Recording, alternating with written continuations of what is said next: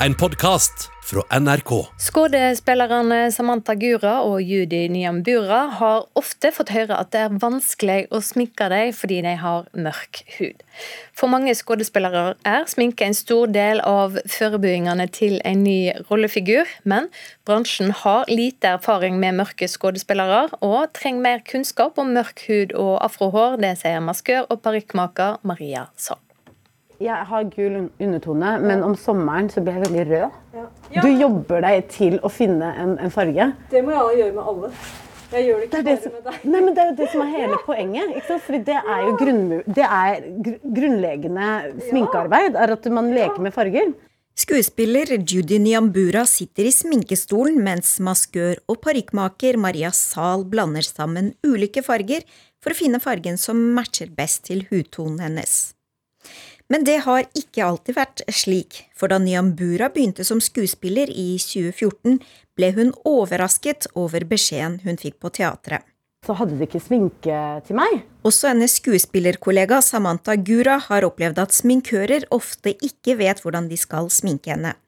Hun har spilt på ulike teater rundt om i landet og sett at det er stor variasjon i kompetansen blant sminkørene etter flere år i bransjen så har jeg også lært at jeg ikke nødvendigvis kan stole på at uh, dit jeg kommer, uh, at de har riktig farger til meg. Så derfor tar jeg med min egen sminke bare for å være på den sikre siden, sånn at jeg vet at det blir et, et godt resultat. Gura sier hun helst skulle sluppet å tenke på sminke og hår, men heller konsentrert seg om jobben hun skal gjøre på scenen. Jeg er ikke det er ikke det som er mitt fagfelt, å være maskør eller frisør. Jeg vil eh, komme og gjøre det jeg er booket inn til som skuespiller, og jobbe med karakter og tekst. Eh, det er mange sminkører som føler seg usikre på å sminke ulike hudtoner.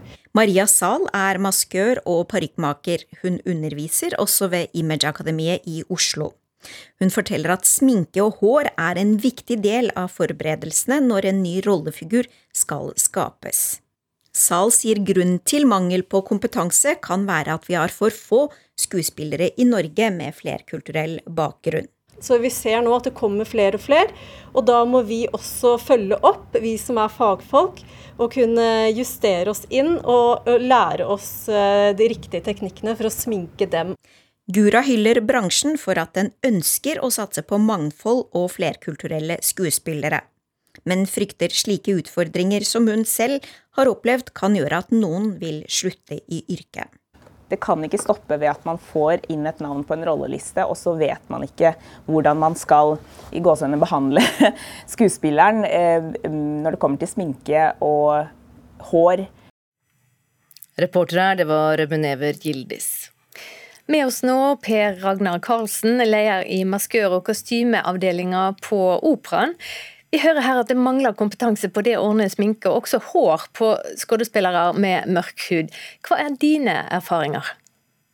Ja, Mine erfaringer er dessverre at det kan skje. Ehm, jeg tror riktignok at det kan være litt ulik kompetanse rundt om på de forskjellige kulturinstitusjonene. Men eh, at det er et forbedringspotensial her, ja, det kan jeg være enig i. Hvorfor er dette så viktig?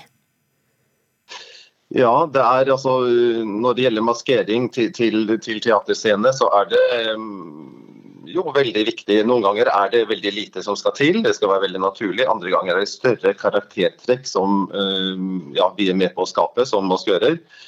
Eh, og for at alt skal falle på plass med kostyme og sminke og karakter, hår, så er det jo kjempe, kjempeviktig når alt faller på plass og fungerer maksimalt eh, der ute på scenen.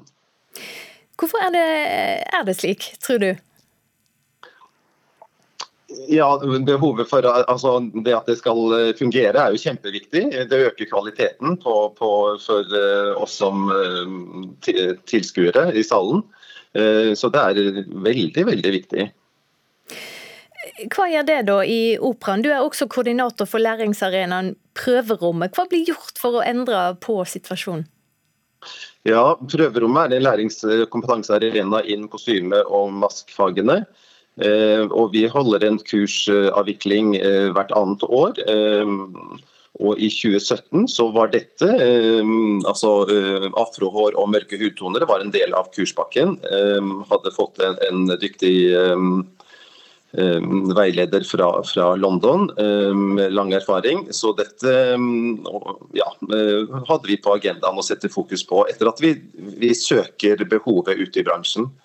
Nå ble jo kursene for 2021 utsatt til neste år, 2022. Eh, og Der har vi samme eh, mål for kurspakken, eh, afrohår og mørke hudtoner.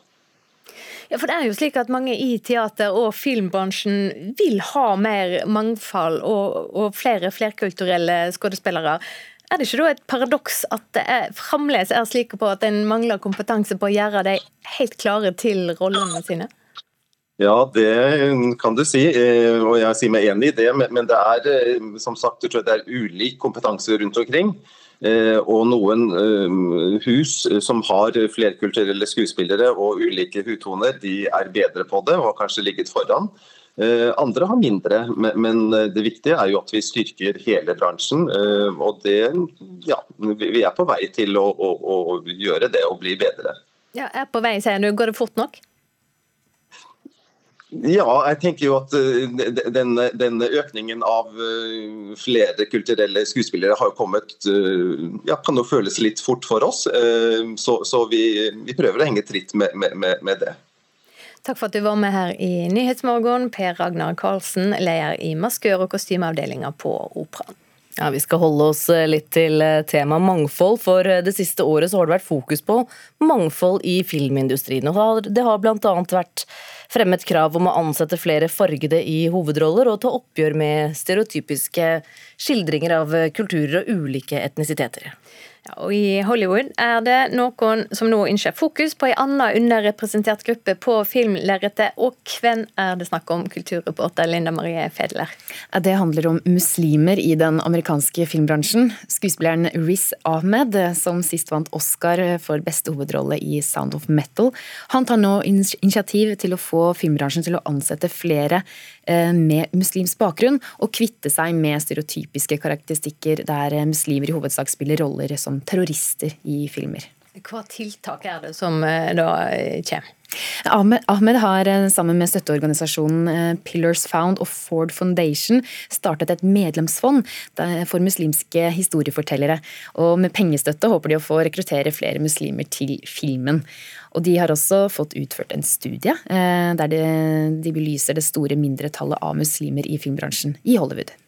Og så har de offentliggjort en del av det de har funnet ut i, i studie, dette studiet. Hva, hva forteller de? Eh, studien som det nå har blitt skrevet om i LA Times, den sier at muslimer bare utgjør 1,6% av eh, totalt 8900 snakkende karakterer i 200 av de mest populære filmene fra 2017 til 2019. Nå blir det mye tall.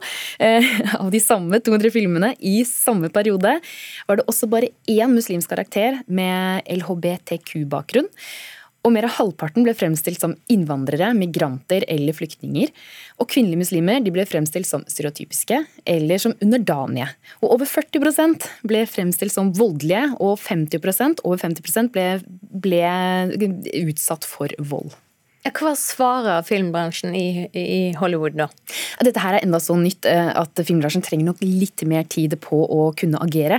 Men de får ikke all verdens tid, for Amen og teamet hans de har eh, gitt de store filmselskapene de neste 18 månedene til å endre sine holdninger og ansette minst én muslimsk filmskaper. Takk skal du ha, kulturreporter Linda Marie Fedler.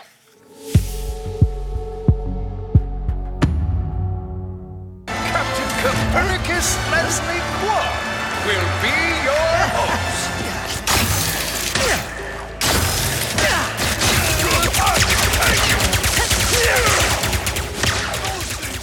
Ja, dataspill nå for dataspillet Ratchet Clank. Rift Apart er nå ute på PlayStation 5, og du kaller det for et comeback, spillkritiker Rune Fjell Olsen, for dette. Det er en serie med lange tradisjoner. Ja, Mange PlayStation-spillere har nok et like sterkt forhold til denne serien som eh, Nintendo-spillere har til Mario. Og Den starta på PlayStation 2 helt tilbake i 2002. Eh, og Der hadde den en serie da, med veldig gode utgivelser på både PlayStation 2 og PlayStation 3. Eh, og Så kom det en remake av det første spillet på PlayStation 4, men det er mange år siden vi har fått et nytt Ratchet Clank-spill nå.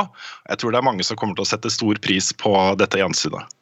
Men du, I anmeldelsen din på nrk.no anmeldelser så skriver du at dette er det nærmeste man kommer Pixar i spillenes uh, verden.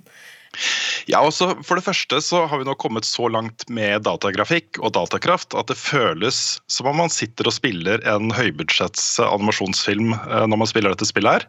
Eh, det ser utrolig eh, lekkert ut. Det har masse detaljer og stilige omgivelser og flotte, vakre verdener. Og så er det i tillegg da en godt fortalt historie, dette her, med godt utvikla rollefigurer, god dialog, interessante motivasjoner og masse herlig dybde. da. Eh, så dette er en opplevelse som er eh, vil jeg si, da like spennende og morsom for eh, både store og små. Det er et perfekt familiespill som man kan oppleve sammen i, sofaen. Og så er det også noe av humoren her som er laga for voksne spiller, og dette er noe man kjenner igjen fra de litt mer sånn kvalitetssiden av animasjonsfilm. Så man kan sitte og humre litt da, over vitser som går litt over hodet på, på de minste, kanskje. Det er ingen eh, tvil om at uh, du i hvert fall er veldig fornøyd med Ratchet Clank. Uh, Rift Apart deler ut terningkast fem i anmeldelsen din. Hva er det som gjør at dette spillet er så bra? Altså, jeg var jo veldig veldig glad i de første, særlig de første tre spillene eh, i denne serien på PlayStation 2, så noe av den har det nok med at det er et veldig hyggelig gjensyn. At det er litt sånn nostalgifølelser. Eh, eh, men det er et solid spill, dette her, uansett eh, hvilket forhold du har til serien fra før. Um, det har masse, masse, masse variasjon. Uh, det har utrolig morsomme oppgaver. Uh, kule kamper og givende utforsking. Kreative oppdrag og så da en veldig spennende historie. Så det er uh, vellaga og kjempeartig, rett og slett. Men så er det en utfordring, da, for Ratchet Clank Rift Apart er bare tilgjengelig på PlayStation 5. Og det er en konsoll som fortsatt ikke er tilgjengelig i normalt salg. Hvor lurt er det av Sony å gi ut et spill som dette på en konsoll som mange ikke har hatt muligheten til å skaffe seg ennå? Jeg syns det er ganske tydelig at Sony ikke helt har forutsett hvor stor etterspørsel det skulle være etter PlayStation 5. Eh, mye av det har nok med pandemien å gjøre, at folk har veldig lyst på ny konsoll. De har nå da tross alt solgt over 8 millioner PlayStation 5-konsoller, men det er lange køer her, og folk har fått beskjed om at de kanskje ikke får da en eh, konsoll før uh, ut i neste år. Så de har tatt noen grep da på en del av de seriene som eh, får nye spill til høsten, som da også kommer på PlayStation 4, men de hadde nok kommet litt for, eh, for langt i utviklingen med dette spillet til at de kunne gjøre det samme her. Så mm, jeg skjønner jo, jeg skjønner jo veldig godt at folk er frustrerte her. Jeg har selv fått mange henvendelser fra folk som, eh, som er litt sure på dette her. Men dette spillet kommer til å være bra i 2022 og 2023 også, så ha litt tålmodighet, så, så håper jeg det løser seg til slutt. Takk skal du ha for at du eh, anmeldte dette spillet for oss her i NRK, Runefjell Olsen. Og du kan lese anmeldelsen av eh, Ratchet Clank Rift Apart på nrk.no anmeldelser. Du har hørt en podkast fra NRK. Hør flere podkaster og din favorittkanal i appen NRK Radio.